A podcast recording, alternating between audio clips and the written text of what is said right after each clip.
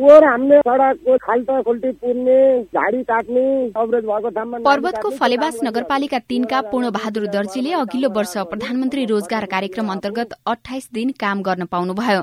संघीय सरकारले यस वर्षका लागि बजेट पठायो भनेको सुन्दादेखि नै उहाँ कामका लागि स्थानीय सरकारले कुन दिन बोलाउला भन्ने आशामा बसिरहनु भएको छ। कार्यक्रम व्यवस्थापक देवी प्रसाद तिमल सिन्हाका अनुसार उहाँको घर दैलोको सरकार फलेवास नगरपालिकाले तीन महिना काम दिने गरी बेरोजगार युवाको सूचीलाई हेरेर कामको सूची सार्वजनिक गर्दैछ। चैतको दोस्रो हप्ताबाट हाम्रो कार्यक्रम चाहिँ सुरुवात हुँदैछ होइन? अहिले मुख्य गरी पदमार्ग र यो सडकको नाली बनाउने सडकको मर्मत सुधारको काम चाहिँ दुईटालाई चाहिँ अलि मुख्य फोकस गरिएको छ। प्रधानमन्त्री रोजगार कार्यक्रम अन्तर्गत स्थानीय सरकारहरूलाई संघीय सरकारले फागुनको दुई गते बजेट पठाएको थियो। बागमती प्रदेशमा रहेको काभ्रेको नमबुद्ध नगरपालिकामा एक हजार एकसठी युवाले आफू बेरोजगार रहेको भन्दै फारम भरेका छन्। प्राथमिकतामा परेका एक्काइसवटा योजनामा काम लगाउन तयारी गरेको छ नगरले। रोजगार अधिकृत विभूषण नेउपानेका अनुसार चैतको पहिलो साताबाट काम शुरू हुनेछ।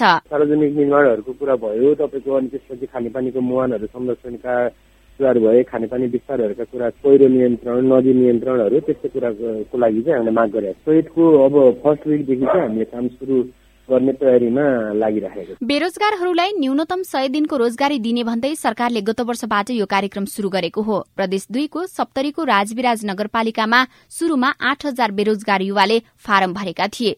तर विवरण पूर्ण गराउन भने बाह्र सय मात्रै आइपुगेका छन्। अघिल्लो वर्षभन्दा फरक काममा लगाउने तयारी भइरहेको रोजगार संयोजक ज्योतिष कुमार यादवको भनाइ छ।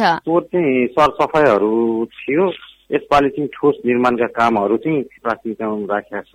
लास्ट इयर चाहिँ वैशाखतिर आएको थियो बजेटहरू र यसपालि चाहिँ अलिक अगाडि नै योजनाहरू माग गरेको योजनाहरू पठाउँदा हामीले चाहिँ पालिकाबाट म्याचिङ फन्डहरू राखेर योजनाहरू पठाएको छौँ। कर्णाली प्रदेशको सुर्खेतको गुर्बाकोट नगरपालिकामा चालिस कटेका व्यक्तिले बेरोजगार छु भन्दै फारम भरेका छन्। फारम भर्नेमा पुरूष भन्दा महिलाको संख्या धेरै छ।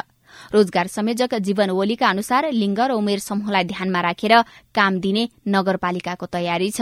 पहिला फर्म चाहिँ चार हजार नौ सय नब्बे जनाले भरेको थियो। पछि तर अध्यावधि गर्दाखेरि चाहिँ नौ सय अस्सी जना मात्रै आयो अध्यावधि फाइल चाहिँ। त्यसमा चाहिँ पहिलो चरणमा चाहिँ पन्ध्र लाख पचास हजार मात्रै आयो बजेट। हाम्रोमा प्रायः जस्तो चाहिँ गोरेटो बाटोहरू खन्नेहरू त्यही खन्ने नालासाला बनाउने त्यस्तो मात्रै छ अन्य त त्यति डिमान्डमा छैन। समयमै योजना नपठाएका कारण पाँच थरको याङवर्ग सहित एक सय तीस स्थानीय तहले भने पहिलो चरणमा रकम पाएका छैनन्।